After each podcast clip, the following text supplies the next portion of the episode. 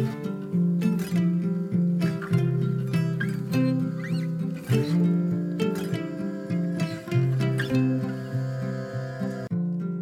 og velkommen til For Health med Erna Sperre. I dag prater vi tarmflora og tester av ditt mikrobiom med Linda Rabeck. Du kan fördjupa dig i just tester av tarmfloran och mikrobiomet under en utbildning som Linda Rabeck håller i Stockholm den 1 februari. Under utbildningen lär du dig använda genbaserade mikrobiomtester i ditt klientarbete. Kursen inkluderar både resultattolkning och behandling och den riktar sig till dig som arbetar med hälsa. För att läsa mer och anmäla dig, klicka på länken i avsnittsinformationen till det här podcastavsnittet eller gå till alfaplus.se utbildning. Om du gillar den här intervjun så blir jag så glad om du vill dela med dig av den på Facebook, Instagram eller till en vän. Och gå in i iTunes och lämna en recension av podcasten. Det gör det lättare för mig att få hit intressanta intervjupersoner. Stort tack på förhand! Glöm inte heller att boka mig som föreläsare till ditt event. Jag föreläser både för företag, föreningar och privata grupper. Det bästa från podcasten finns nu i skriftligt format som e-böcker. Du kan ladda ner dem på forhealth.se under fliken böcker. Det finns fem stycken böcker kraften i naturlig kost, rörelse, livsstil, tarmhälsa respektive hälsa. Ät dig frisk! Tusen tack till dig som har laddat ner och också till dig som har lämnat en donation. Linda Rabeck är utbildad inom naturmedicin och arbetar med blodmikroskopi, kroppsskanning och kostvägledning. Hon driver företaget Biotech-kliniken, ett kompetenscentrum för matintolerans.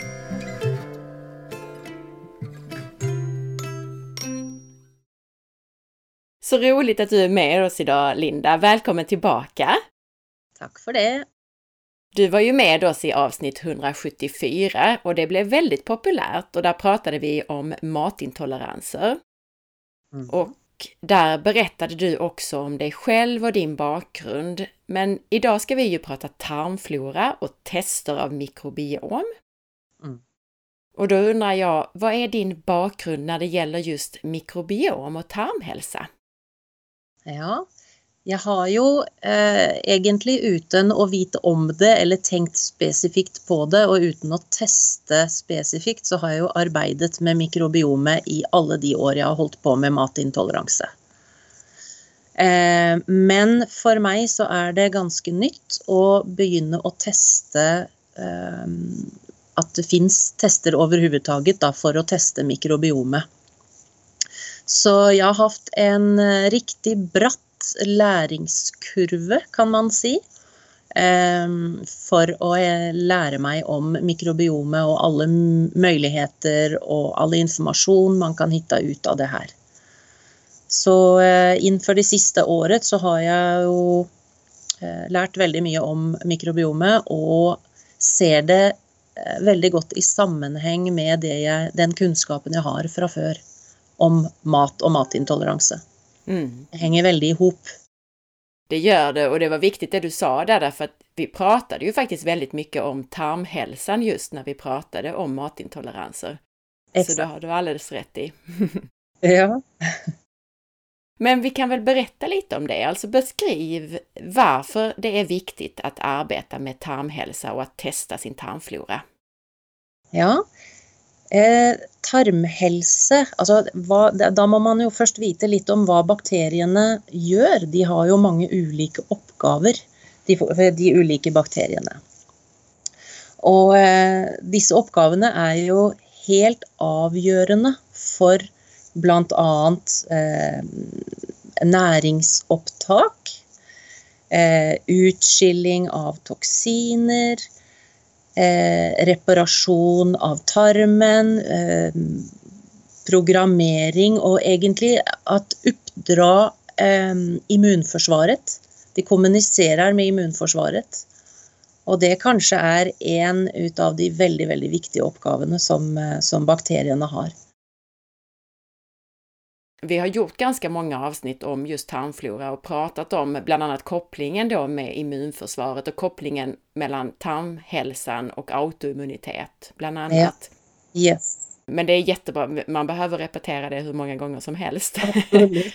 Absolut. Precis. Men är det det du menar att det är därför som det är så viktigt då att arbeta med sin tarmhälsa, för att tarmen påverkar så mycket annat i kroppen?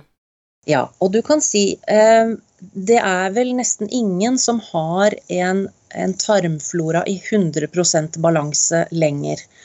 Eh, og det er jo nettopp av den årsak at det er så mange ting som kan påvirke eh, mikrobiomet vårt til at vi får ubalanse i bakteriefloraen.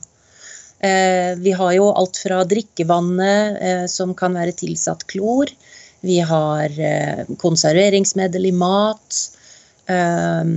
Så eh, ja, antibiotika og medikamenter, miljøgifter og ikke minst stress. Altså, vi, vi stresser enormt mye. Eh, så en, det å ha kunnskap om sin bakterieflora, om sitt mikrobiom, det gjør at man kan gjøre de riktige valgene for å skjøte om sitt mikrobiom så godt man kan. Det kan man velge å gjøre forebyggende, eller man kan velge å gjøre det om man redan har et problem. Så kan det å vite noe om sitt mikrobiom og sin sammensetning i mikrobiomet være helt avgjørende for om man kommer i mål med sin behandling. Og jeg kan bare bekrefte det du sier. Jeg bruker nästan, till nästan alla jag arbetar med själv så brukar jag rekommendere at et av de første testene man gjør, ja. er et tarmfloratest, et avföringstest. Nemlig. Nemlig. Og, og, ehm, hvis man ser da min sammenheng i det her med matintoleranse og mikrobiome, så, så, går de, så, går det egentlig begge veier. Fordi om man har en matintoleranse, så har man en dysbiose. Man har en ubalanse i bakteriefloraen. Har man en ubalanse i bakteriefloraen, så får man ikke reparert den uten å få eliminert eventuelle fødoemner som trigger og lager en, skaper en irritasjon og en inflammasjon i tarmen. Så de henger veldig tett i hop, de der. Just det. Jeg skal faktisk repetere det bare for det skal være ekstra tydelig, det du sa. Ja. Dels så kan man få intoleranser, eller man får intoleranser om man har en tarm som eh, ikke er hel eller en, en tarmflora ur balans. Och sen åt andra hållet, precis som mm. du sa, så kan man inte laga tarmen och få en god tarmhälsa om man fortsätter äta saker som man inte tål. Exakt. Jag tänker bara det här ordet som vi slänger oss med som är mikrobiom. Mm. Kanske vi ska förklara det? Kan du förklara ordet mikrobiom? Ja, det, det, var jo sånn eh, i, i, starten, når man begynte studere bakteriefloraen, så fant man jo ut at det var en så viktig del av kroppen eh, og kroppens funksjon at man, man, rett og slett bestemte seg for at det, den fungerer nesten som et organ i kroppen. Og da kalte man det for mikrobiome. Og mikrobiome er sammensetningen av eh, levende organismer i tarmfloraen. For det er i utgangspunktet ikke bare bakterier, det er også eh, ulike svamp eh, og faktisk også noen, noen, parasitter. Og ikke minst eh, så kan det også være eh, bakteriofager, altså bakterie, eller, eh, virus som infiserer bakteriene. De gode bakteriene i tarmen vår. Så det kan være så mange eh, mange mikrober som inngår i mikrobiomet. Men normalt sett så er det det vi kan, eh, det vi kan definere som et mikrobiom, er all, for det meste bakterier. Precis. Ska man vara riktigt noga, en del skiljer ju på själva tarmfloran av alla organismer och själva ordet mikrobiom. Som ja. också ofta brukar beteckna den sammanlagda arvsmassan av alla mikroorganismer, alltså hela, ska vi säga, genetiken. Ja, ja. Från alla bakterier och, yes. och andra mikrober. Och det är ju lite intressant eftersom vi ska prata om tester som faktiskt testar arvsmassan. Idag. Ja, mm. nämligen. Både du och jag arbetar ju en hel del då med tester där man använder den här genbaserade tekniken för att testa tarmfloran. Så man Mhm. tittar ju alltså på DNA kan man säga från bakterier och andra mikrober. Ja. Och traditionellt så har man mest använt odling och mikroskopi för att testa tarmfloran. Mhm. Berätta om de största skillnaderna mellan att testa på olika sätt och vad fördelarna kan vara med de olika teknikerna. Mhm. Eh, hvis man bruker odling, altså mikroskopering og odling, så får man en god oversikt over de, eh, de eh, aerobe bakteriene. Altså de som tåler oksygen og behøver oksygen. Men man har en utfordring med å finne alle de bakteriene som ikke tåler oksygen. Så når man altså tar ut en avføringsprov, så, så vil en del av de bakteriene dø, og man kan ikke odle dem da. Så da, da vil man ikke kunne finne dem. Eh, Det er fordelen med å anvende da eh, en metode som, eh, som identifierer bakteriene via sin, sin, sitt genetiske materiale. Altså en, den analysemåten heter PCR, men også laboratoriet i Australia anvender eh, definisjonen 16S. Eh, det betyr Altså det er i prinsipp samme, samme metode. Eh, ved den DNA-identifieringen, eller genidentifieringen som anvendes, så har man en mye høyere spesifisitet. Altså man får identifiert mange flere mikrober eller bakterier. Og det er jo av den grunn at eh, vi kjenner jo til at om man, eh, om man skal ha en åstedsgranskning, så kan man jo Man finner jo eh, vevsrester, man finner eh, blod osv. Og det er jo ikke lenger et levende material, men man kan identifiere genmassen, altså genmaterialet. Og det samme kan man med en død bakterie.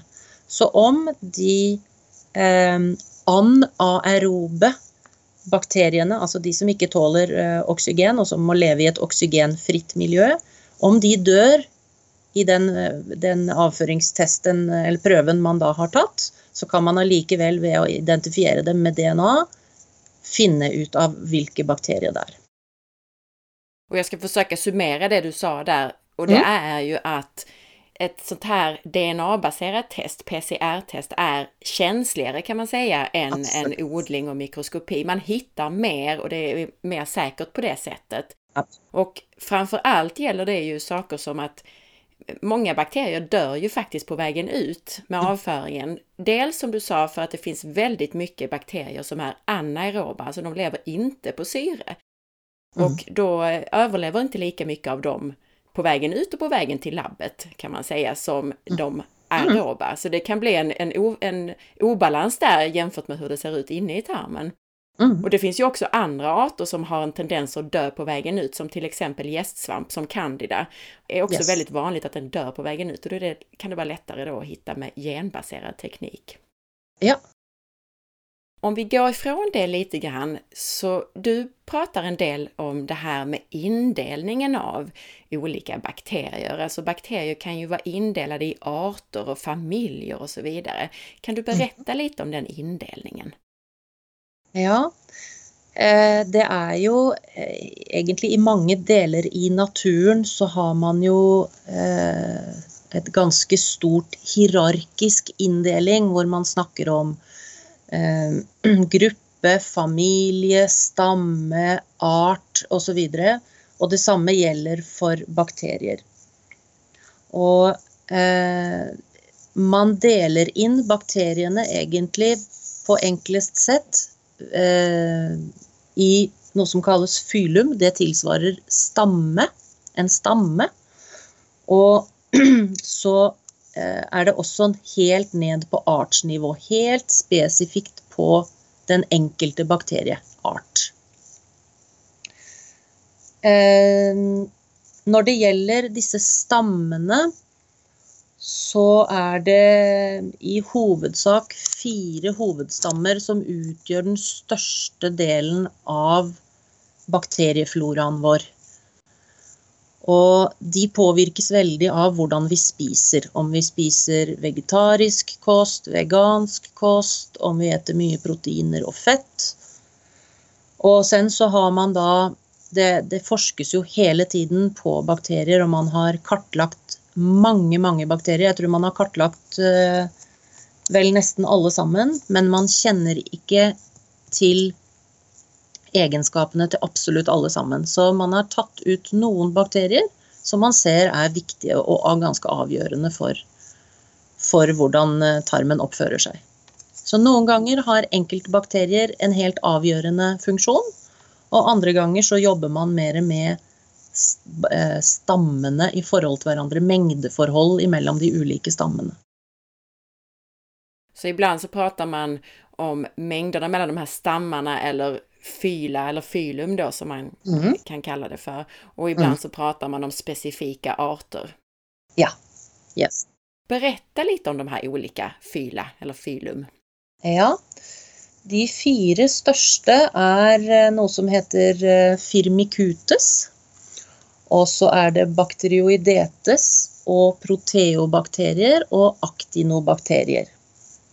Det er sikkert mange måter å uttale dette på, men det er i hvert fall de, det er i hvert fall de hovedstammene som, som det er mest av i eh, tarmen. Og f.eks. hvis man er en eh, veganer eller vegetarianer, så eter man kanskje primært eh, plantekost. Det er veldig, veldig individuelt, så man kan ikke være 100% kategorisk. Men om man eter mye, mye grønnsaker og mye, mye, plantekost, kan man si, så vil man ha mye av firmicutes. Og eh, ulempen er jo at faktisk så er jo klostridier også en firmicutes-bakterie. Og eh, den, den, ser man også hos noen øke når man spiser mye plantekost. Da vil, den, da vil eh, mengden av de ulike klostridiebakteriene kunne øke. Eh, så har vi også bakterioidetes og proteobakterier. Disse er eh, mer dominert av de som spiser eh, low carb, high fat og, og gjerne mye proteiner.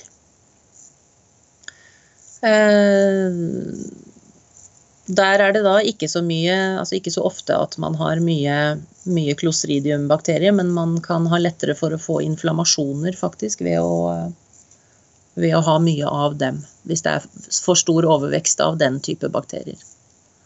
Så igjen, det gjelder å ha balanse mellom disse, disse stammene, da. Jeg tenkte du sa det på firmikutes, eller hvordan man nå vil ja. uttale det, så mm. sa du at klostridium er noe ja. som tilhører det, ja. fylen da ja. fylumet.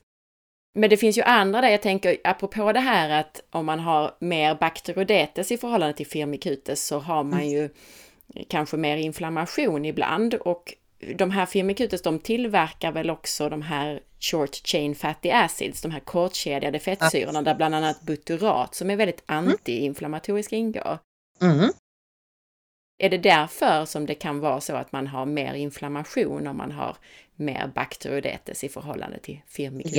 Ja, ja fordi om man, om man eter da eh, eh, low carb, så er det ikke sikkert at man Altså no, man, noen eh, har jo litt ulike for, forståelse eh, av måten å leve på når man sier low carb, high fat eller, eller mye proteiner til eksempel.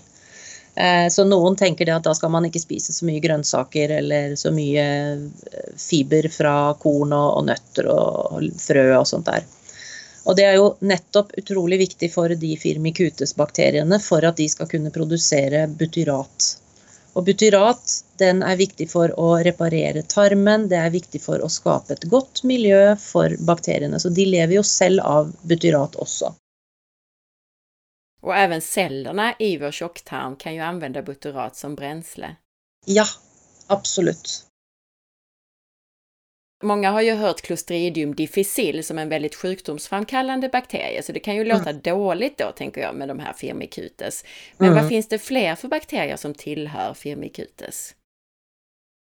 Nå sto det litt stille for meg her, faktisk.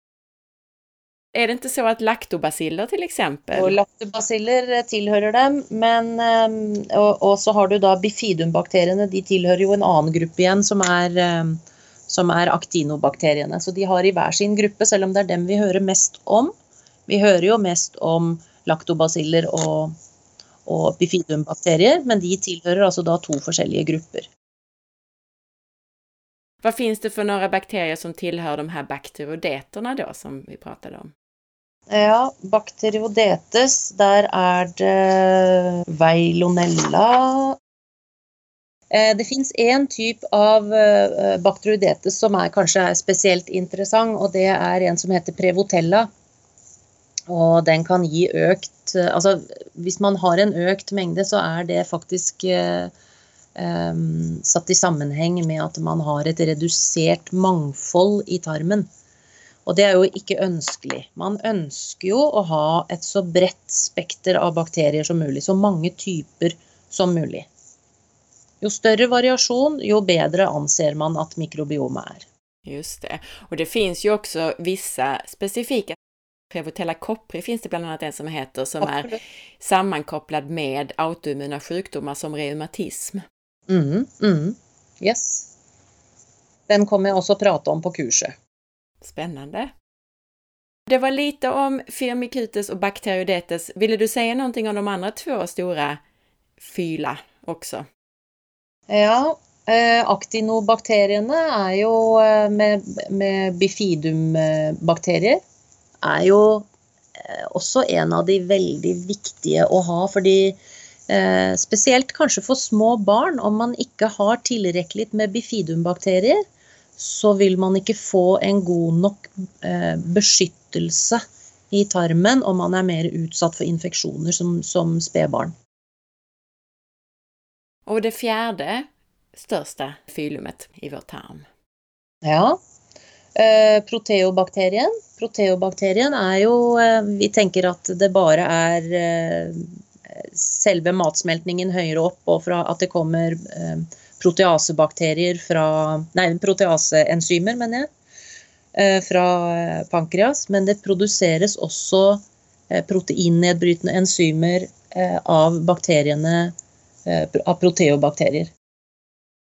Hva skal man äta for å øke de bakteriene? Er det just protein da, for å øke att öka de som bryter ned det? Så ja, du kan si at om man, om man till exempel är eh, vegetarianer så, så eh, bør man spise mer av proteiner, absolutt. Men om man ikke vil ete kjøtt eh, og, og Altså om man ikke vil ete kjøtt og kanskje ikke er så veldig glad i alle de proteinrike vegetariske fødeemnene, så man også, kan man også anvende mer fettrike, altså mer um, mettet fett. Spesielt mettet fett, faktisk. Det fungerer både for på øke, For å øke den sortens bakterier?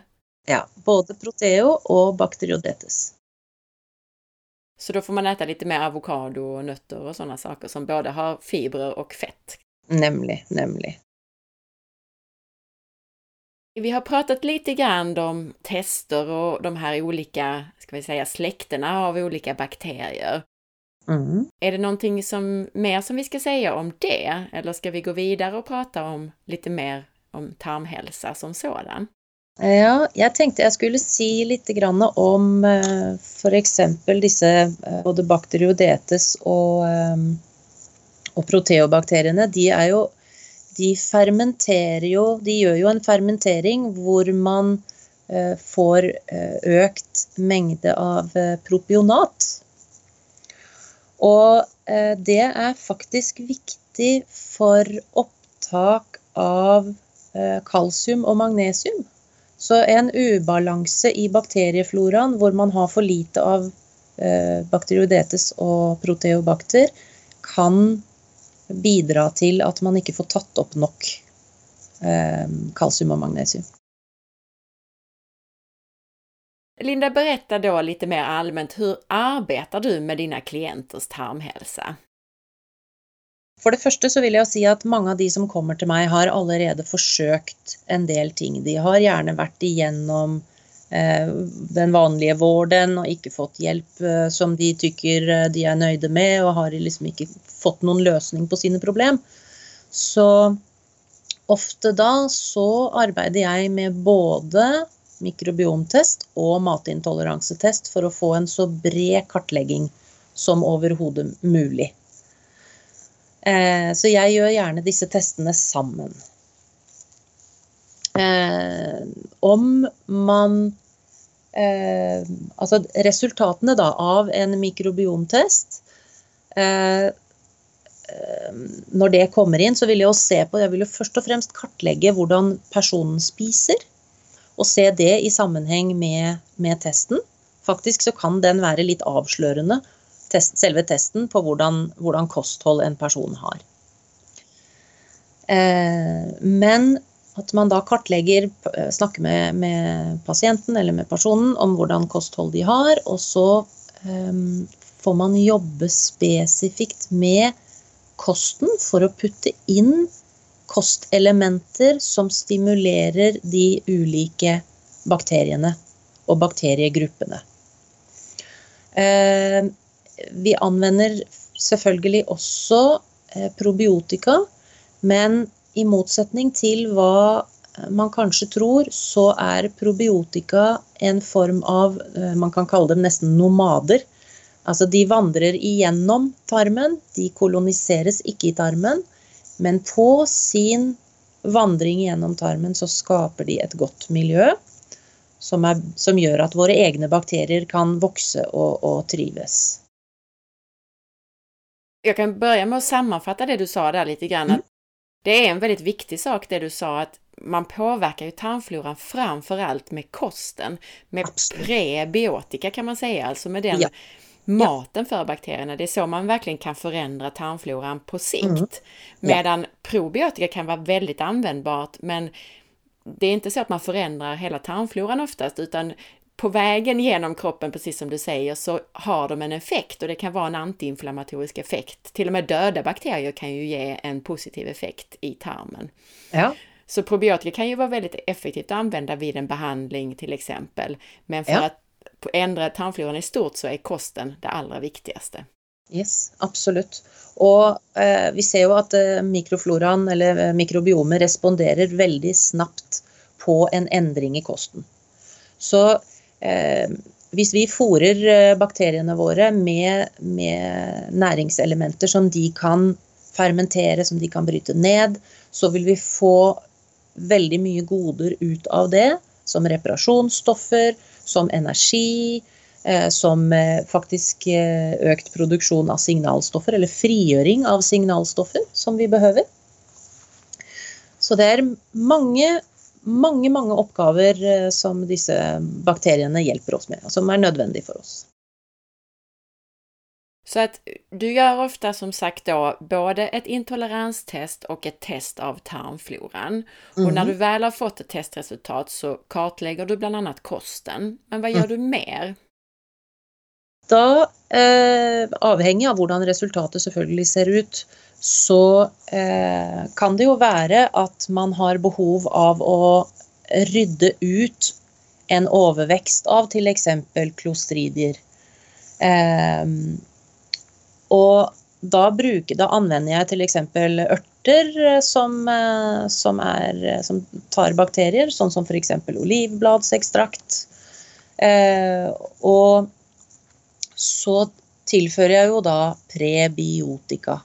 Jeg har eh, hos noen så har jeg faktisk anvendt butyrat eh, smørsyre som eh, kosttilskudd. For at det går snabbere innimellom eh, samtidig med at man gjør de endringene i kosten, og tilfører da eh, prebiotika som, som stimulerer eh, våre egne bakterier til å, å produsere da f.eks. butyrat. Og når kan det være relevant å ta butyrat som tilskudd? Hva var det da som var problemet? Var det inflammasjon, eller hvorfor valgte du å anvende det? Ja, men hvis firmikutis, altså hvis det er en veldig sterk eh, IBD f.eks., IBD eller IBS, eh, og, eh, og de har veldig lite av firmikutis-bakteriene, Da vil jeg inn både med probiotika og med masse prebiotika i kosten, om de tåler det. For det er ikke sikkert de tåler det. Man skal gjerne være litt varsom i starten. Og da kan det være, hvis de er sensitive overfor en del av disse fiberrike fødeemnene, eller kanskje reagere på en del kålhydrater i kosten, så vil jeg gå inn med butyrat som, som er enkeltsubstans for å reparere. Mm. Så om man till exempel får ont eller blir gasig av för mycket kolhydrater, för mycket fiber ja. till exempel, så kan ja. man då använda butyrat ja. eh, som kompensation? Ja. Yes. Och så sa du som exempel då att man kanske har en överväxt av klostridiumbakterier. Mm. Eh, om man nu skulle ha det problemet, att man har en överväxt av Clostridiumbakterier, vad använder du då för örtpreparat till exempel? Da har jeg eh, hatt veldig god eh, effekt eh, på mine av å bruke flytende olivbladsekstrakt. Det er noe vi har fått tak i her i, i, i Norge. Jeg vet ikke om det, om det er noe alternativ, men dere har helt sikkert olivenbladekstrakt også i Sverige. Ibland använder jag olika örtpreparat som är en blandning av flera saker och då mm. kan det ingå som en ingrediens till Nämligen. exempel. Ja, og jeg tror faktisk at eh, det kanskje fins bedre alternativer i, av sånne blandingspreparater i Sverige. Her har vi fått jobbe mye med enkeltpreparater. Så kanskje dere er mer heldige enn oss. Helt ärligt så jag, jag kan inte säker därför att jag beställer ofta från utlandet direkt. Ja. Så jag vågade inte riktigt svara på den frågan. Nej. Kan vi ta ett exempel på ett patientfall? Att du berättar lite om symptomen och vad ni hittade och vad ni gjorde åt det. Ja. Um, vi har, eh, jeg har to gode pasientfall som, som egentlig er uh, veldig beskrivende begge veier. Når man ikke kommer i mål, og når man kommer i mål med et godt resultat.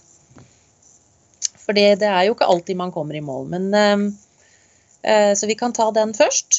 Og det er eh, en um, dame som har hatt Har arbeidet med sin tarm i mange, mange, mange år. Og hatt mange matintoleranser, og aldri egentlig kommet i mål med sin matintoleranse. Og når mikrobiomtesten kom tilbake Symptomene er det var egentlig ikke så veldig mange symptomer, men eh, mer det å arbeide med å tåle maten sin bedre. Få en økt tolerans for det man eter. Så med levesettet som vedkommende har, så, så har hun klart å holde, holde bra energi og, og sånt noe bare med å leve på en veldig smal kost, da. Men ønsket var jo å øke, øke mm, det man kan spise. Men som en kontrollfører der, hadde hun problem innan hun tog bort det som hun ikke tålte? Eller ja, varför? Ja, ja, ja, ja, ja absolutt. absolutt. Eh, mye muskelsmerter og, og uh, hovedverk og lav på energi. Uh, egentlig ingen symptom fra tarmen faktisk veldig lite symptom fra tarmen, og derfor er det ikke alltid enkelt å vite om man skal gjøre det ene eller det andre. Om man skal ta en mikrobiomtest. Det behøver ikke være symptomer fra tarmen. Nei. When in doubt, start with the gut, har jeg hørt mange exactly. som sier. exactly. Precis. ja. Nei, så eh, med mikrobiomtesten så kom det tilbake at det var faktisk veldig, eh, en veldig bra variasjon i tarmen. Men det var eh, litt ubalanse, god balanse mellom firmicutes og, eh, og de andre bakteriene, proteobakterier og bakteriodetes. Men eh, det var ikke funn av en viktig bakterie for slimhinnen vår som heter akkermansia. Den var ikke påvist i det hele tatt. Og den er en av de viktigste bakteriene, enkeltbakteriene, for lekktarm. Så det vil jo i prinsipp si at man har en veldig stor utfordring med å få reparert tarmen når den ikke er til stede. Eh, vi har dog prøvd eh, allikevel, fordi vi vet at Akkermansia, just den, den er ikke så veldig glad i eh, store mengder fett i kosten. Så en høyfettkost er helt krise for Akkermansia, faktisk. Eh, men den er veldig glad i omega-3. Så om Altså det vi gjorde da, var å, å øke inntak av omega-3. Og altså det, denne personen levde da på en høyfettkost, så vi tok ned eh, fettinntaket, det generelle fettinntaket og økte på omega-3. Og eh, etter et halvt år så kunne vi, da kunne vi i hvert fall gjøre små funn av akkermansia. Sånn at det var en sakte, men sikkert start på å, eh, å få og bygd den opp igjen. Men eh, om man stresser mye, så er det veldig, veldig hardt for mikrobiomet. Så det har man en lav toleranse i forhold til uh, ulike fødeemner, uh, så kan det å stresse være veldig påvirkende på mikrobiomet og gjøre det veldig svårt å reparere, faktisk. Even om man gjør alle ting rett. ja, Men jag tänkte det kan ju vara svårt också om man är en sån person som, eh, som har många intoleranser och så, då blir det ju lätt så att, att det, ofta är det ju enklast att äta en högfettskost därför att det är ofta, det mättar mycket och man kan äta ganska smalt och ändå få den energi man behöver. Särskilt då också om man blir lite uppblåst av for för mycket fibrer och så. Mm, mm, så vad fick hon äta istället då, tänker jag? Nej, det var ju, hun hon fick äta lite mer av um litt mer av bønner. Og hun fikk jo tilrekkelig med fett, men hun fikk ikke så mye fett som en høyfettkosthold. Ehm, så hun fikk ehm, bønner, linser og en del frø. Og even om det er oljer i, i frø, så, så, var det snilt mot, mot tarmen endå, altså. Så det gikk i riktig retning. Men fremfor også liksom spise store mengder med kokosfett, eh, bulletproof coffee, eh, alt hva, hva man kunne tenke seg, og, og kanskje én til to avokadoer om dagen. Eh, altså, det var, liksom, det var ganske mye fett som, som, gikk inn. Så vi reduserte generelt på, på fettinntaket og erstattet det med litt mer proteiner av ulike kilder. Har ni hunnit göra något mer där eller har hon hunnit kunna införa någon mat än? Någon, något som hon inte tålde tidigare eller ni har inte kommit så långt än kanske? Nej, så långt har vi inte kommit enda. Det vi har eh, gjort är att eh, faktiskt eh, använda någon örter för att ta ned stresset. Att hon inte går konstant med högt, högt kortisol. Jag tror att det var du som ofta använder dig av uh, Holy Basil, eller? Stämmer, stämmer. Ja. My favorite. var det den? Som... Ja, det stämmer. Jag använde faktiskt ganska mycket av en typ eh, flytande, flytande Holy Basil. Mm. Och sen var det ett annat fall då också som du ville berätta om. Ja, där var det mm, en eh, mann hvor vi fant at det var eh, det som pekte seg veldig ut. Han er eh, veganer. Og han hadde ganske høye nivåer av Altså veldig høye nivåer av firmikutus. Veldig høye nivåer av klostridier. Men han hadde ingen E. coli. Og han hadde veldig ustabilt humør. Og når vi tenker på E. coli, vet du, så tenker vi jo at det er jo en bakterie vi ikke vil ha for mye av. Men den gjør faktisk noen viktige oppgaver. Og det ene er at den, den er viktig i forhold til opptak av uh, noen B-vitaminer, og den er viktig i forhold til å eh, kunne ta opp tryptofan, eller konvertere tryptofan til substanser den kan bruke, noe som kalles indoler.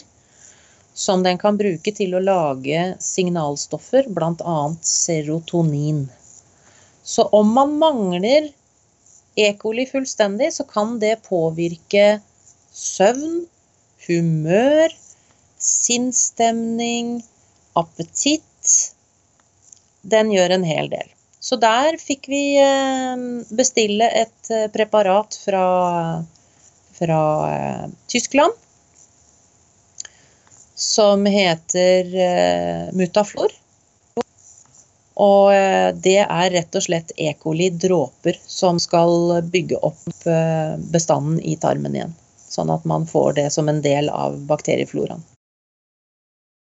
Ja, måste bare, Det er litt speciellt. Ja, men som en parentes där också faktiskt, att det, därför det så viktigt också att veta att det finns så många nivåer av det här med stammar och släkten och arter och familjer. Yes. Därför att E. coli är ju inte bara E. coli utan inom E. coli mm. så finns det ju då en del arter som är de här matförgiftningsarterna som kanske många har hört av. Ja. Att om man får det i dricksvattnet så blir man jättesjuk. Exakt. Men vi har ju massor med andra sorters E. coli i vår tarm som har alla de här viktiga funktionerna att tillverka vissa vitaminer för oss och så vidare. Yes. Så det var bra, ett bra exempel på det sättet yep. tyckte jag. Men vad hade han, när han vände sig till dig, vad var det för problem? Hade han hatt hälsoproblem från början? Ja, han hadde hatt uh, litt sånn urolig, uh, urolig mage. Han var uh, Det var mye sånn bobling i maven og, og Han hadde ikke arbeidet med, med matintoleranse for innen. Så han var egentlig mest interessert i bare å få en kartlegging av, av eh, mikrobiomet sitt. Det var sånn helt tilfeldig egentlig at han tok kontakt. Ok, så han hadde inga gjetteproblem? Nei. Nej. Gjorde han... ni någonting annat då än, de här, än, än det här ska vi säga, tillskottet av E-kulli? Ja, ja, ja. ja. Vi, eh, vi gjorde de, eh, de kostendringene i forhold til å øke inntak av fett. Fordi han han ville, han ville ikke spise kjøtt. Han var jo da vegetarianer. Så han ville absolutt ikke spise kjøtt, og da, der tilførte vi mer, mer av mettet fett. Kokosolje sa du til ham? Ja, men avokado også. Avokado òg fikk han mer av. Kokos. Eh, han eh, Hvilke andre ting var det vi ga han da? Ja, mye nøtter. Eh, han tålte det. Han tålte å spise få kilder av, av fett fra nøtter. Så det, det ble hans nye venn. Mm. ja.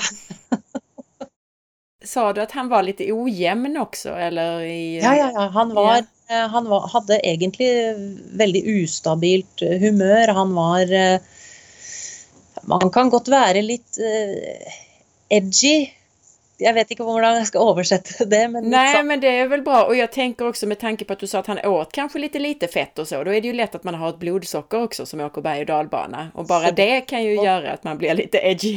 helt klart, helt klart. Og i tillegg da, hvis man ikke har nok til å lage Altså han var både edgy og litt sånn eh, tungsindig. At han var eh, tung til sinns. Just det, då kanske han hadde problem med omsetningen av tryptofan og serotonin og så. Ja, ja. Det var ett par bra exempel och om man tänker lite mer generellt, om man då hittar en infektion av en patogen, en sjukdomsframkallande mm. bakterie i ett sånt här test, vad kan man göra då? Altså, det, eh, det, vi har eh, benyttet eh, frem til nå, er Jeg har benyttet meg mye av olivenbladsekstrakt. Og det fins jo ulike substanser som, eh, som, kan anvendes for å ta ned bestanden av, vi, av, de bakteriene vi ikke vil ha, som er sykdomsfremkallende. Eh, og mm, samtidig med at man gjør det, så får man jo bygge opp den bestanden man vil ha der, fordi de konkurrerer jo om plassen. Det er jo det som foregår nede i tarmen. Man skal ha en balanse, og den balansen Eh, kan man påvirke veldig mye, eh, vil jeg si, for det meste med hva man, hva man putter i, i, kroppen. Så eh, kost, og eh, det fins en, eh, en, del urter, og noen blir sikkert glad over å høre at eh, f.eks. polyfenoler som er i sjokolade og grønn te f.eks. kan være veldig fint for, eh, for bifidumbakterium bifidobakteriene, som, som, det er mye av i tykktarmen. Så att om man har en infektion av en patogen bakterie så kan det vara en kombination då av kost och att man använder örtpreparat som är antibakteriella då för att Ja. få ner mängden av de sjukdomsframkallande bakterierna. Ibland använder jag personligen också när jag behandlar på det sättet just probiotika under tiden, precis eftersom det du sa där att Nemlig. andra saker konkurrerar om den platsen. Mhm. När vi, då, när vi då tar död på vissa saker så kan det vara så att inte det är gästsvamp och annat som växer till sig. Till Mm, exempel. mm, mm, mm. Ja. Om man då precis har för lite goda bakterier eller en obalans, så om jag förstod dig rätt så är det kanske framförallt kosten och prebiotika som du arbetar med då. Ja, jeg, jeg gjør det. Jeg har for, de, eh, for mange av de som kommer, som sagt, så, så har jeg eh, også anvendt meg av enten eh, butyrat, men også probiotika. Og da gjerne probiotika noen, noen probiotikaserier, det fins jo mange gode probiotikaserier. Eh, Jeg har hatt tilgang på en her i Norge som har vært eh, tilpasset til litt ulike situasjoner, enten om man har, om man har tilløp til diaré, eller om man er treg i matsmeltningen eller, eller fordøyelsen, og om man har IBD, altså inflammasjon, tarminflammasjon osv. Så, videre. så vi har anvendt litt ulike avhengig av symptom, Mm. og avhengig av eh, selvfølgelig bakteriesammensetningen. I en del av de här testerna som man gör så kan man få en del markörer på hur matsmältningen ser ut också. Och det kan man ju också få bara baserat på symptom hos en klient. Mm. Vad gör du om en klient har dårlig matsmältning? Eh, Jeg har eh, anvendt meg av å få testet ut litt på magesyre. Altså en manuell uttestningsform på magesyre for å se om man har Det er en utprøvingsteknikk, da. Hvor man prøver ut med saltsyretabletter for å se hvordan, hvordan matsmeltningen er. Så jeg bruker det eh, Bruker eh, saltsyretabletter og enzymtilskudd. Det er det jeg har anvendt utenom. Og, og eh, apropos det, jeg anvender også enzymtilskudd om det er stor overvekst av patogene bakterier, faktisk, i tarmen.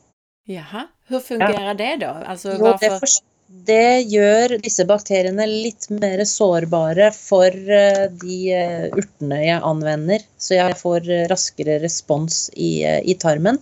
Jeg får ryddet opp raskere ved å bruke både enzymer og, og eh, em, til eksempel olivbladsekstrakt. Er det vanlige matsmeltningsenzymer Proteas. som du anvender? använder? Proteaseenzymer. Proteaseenzymer. Okej. Ja, för det finns ju de här, em, precis som man ibland som man tar mellan måltiderna, proteolytiska enzymer. Och det brukar bland annat vara proteas där i. Just det här med matsmältningen och magsyra, jag kan bara berätta att vi har gjort ett helt avsnitt om det, så den som är nyfiken mer på att veta mer detaljer kring hur man kan testa det så finns det i avsnitt 188 lite mer information om det. Og mat, altså eh, saltsyre i, i magesekken er veldig avgjørende å ha nok av for å opprettholde et godt og et sunt mikrobiom. Det är ju bland annat en barriär för att det inte ska komma ner for mye patogena bakterier Yes, och yes. parasiter og annet. Sam, samtidig med at om ikke man har en god saltsyrebalanse, holdt jeg på å si, at man ikke produserer tilrekkelig, så vil man ikke få den responsen i, eh, i tynntarmen, altså i tolvfingertarmen, øvre del av tynntarmen, som man skal um, for å få riktig pH lenger ned i tarmen. For de gode bakteriene. Så det blir jo en kjedereaksjon. Mm. Så det er mange faktorer å tenke på. Ja, men det är det verkligen. Allting hänger ihop. Mm, mm. Vem ska testa sitt mikrobiom då? Ja, det kommer jo helt an på. Det er eh, hvis man har familiær Altså hvis man er i en familie som har mye tarmproblemer, men man kanskje ikke har begynt få det enda selv, så vil jeg definitivt ha testet for å være på litt, litt foran eh, å si utviklingen. Eh, det er det ene. Det andre er hvis det er mange eller flere i familien, altså i din lille familie i ditt hus, der hvor du bor, dere spiser samme type mat. Noen har begynt å utvikle symptomer, men du har ikke det enda. Kanskje det er en idé allikevel at alle sammen tester. For å se. Både for å reparere for de som allerede har et problem, og at du som da kanskje ikke har det enda, også er litt føre var. Så egentlig, egentlig vil jeg si alle. Bakterier. Ja, jag tänkte säga det också. Det är nästan alla. Om man antingen har ett hälsoproblem eller har någon i sin familj som har ett hälsoproblem. Och det är de flesta nästan får man ju säga. Nämligen, vi är ju där alla samman. Jag kan bara instämma i det, alltså man har väldigt mycket nytta av att göra ett test av sin tarmflora. Just därför det du sa där i början, att det finns ju i stort sett ingen, i alla fall i västvärlden, som har ett perfekt mikrobiom nu Nej. längre. Nej. Så då finns det ju saker man kan göra, om det sen är med kosten eller med probiotikatillskott eller örtbehandlingar eller vad man nu behöver göra för någonting. Mm, mm, mm. Om man skulle ge lyssnarna lite konkreta råd på vad de kan göra själva, vad skulle du då säga? Eh, typ litt sånn eh, forebyggende for å, for å stelle pent med sin, eh, sin tarm, så, så, vil jeg definitivt råde til å til å spise mat som er minst mulig bearbeidet. Altså at, eh, at man kan ete råkost, man kan spise fiberrik kost. Eh, sånn at bakteriene får noe å arbeide med, og at de får noe å, å produsere reparasjonsstoffer med. Og det kan være fiber fra eh, grovkorn, det kan være fiber fra eh, Det kan være f.eks. Eh, noe vi kaller resistent stivelse. At man koker bønner og sen kjøler dem ned. At man eter kokte, nedkjølte bønner. Er en utrolig god kilde til, til næring for bakteriene. Og om man skulle få litt problemer med det i starten. Hvis man har en til, tilsynelatende normalt fungerende tarm, om man får litt problemer med å endre i kosten i starten, så, så jeg veldig forsiktig. Ikke gå rett over på store endringer, men begynn litt forsiktig. For om man gjør store endringer på en gang, så kan det hende at det blir litt protester nede i, blant bakteriene der. At de får, eh, de får, litt feil i forhold til eh, Får litt feil næring og mat sendt ned i forhold til sin sammensetning. Ja, det får man ju komma ihåg att de ska ju hinna föröka sig också. Ja, för att hinna ta hand om de här nye nya fibrerna. Nemlig, nemlig. Så det er viktig å, viktig å ta i betraktning. Och har man då problem så är ditt råd att man, att man tar kontakt med någon behandlare och testar sin tarmflora? Absolutt. Absolutt. Fordi da kan man få mer konkrete råd om hva akkurat du kan gjøre.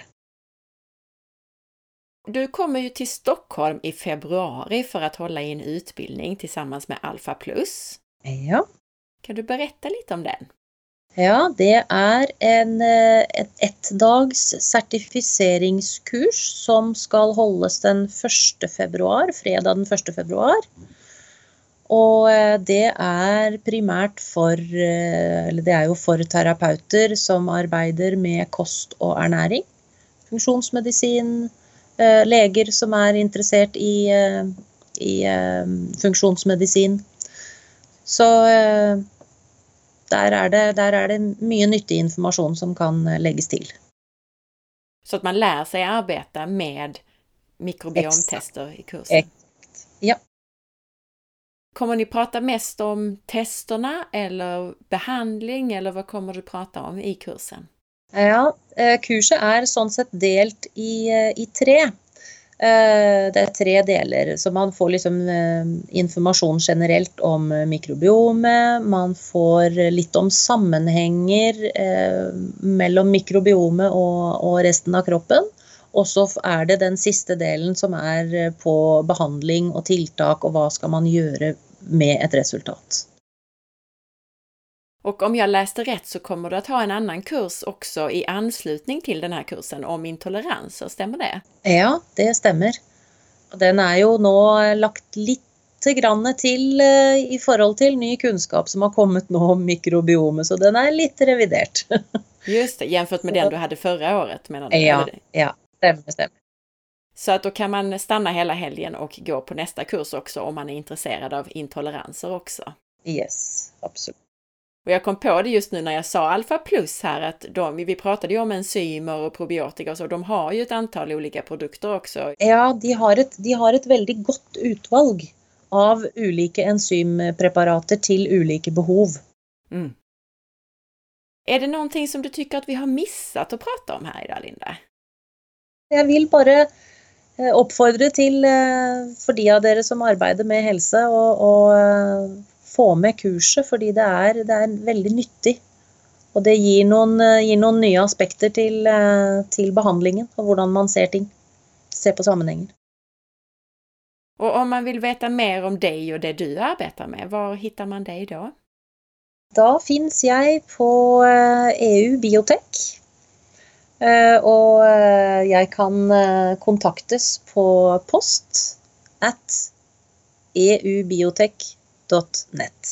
Mm. Om man har frågor. Ja, perfekt! Tusen tack Linda för den här, de här spännande exemplen du hade om olika bakterier och liknande. Tack för att jag fick vara med.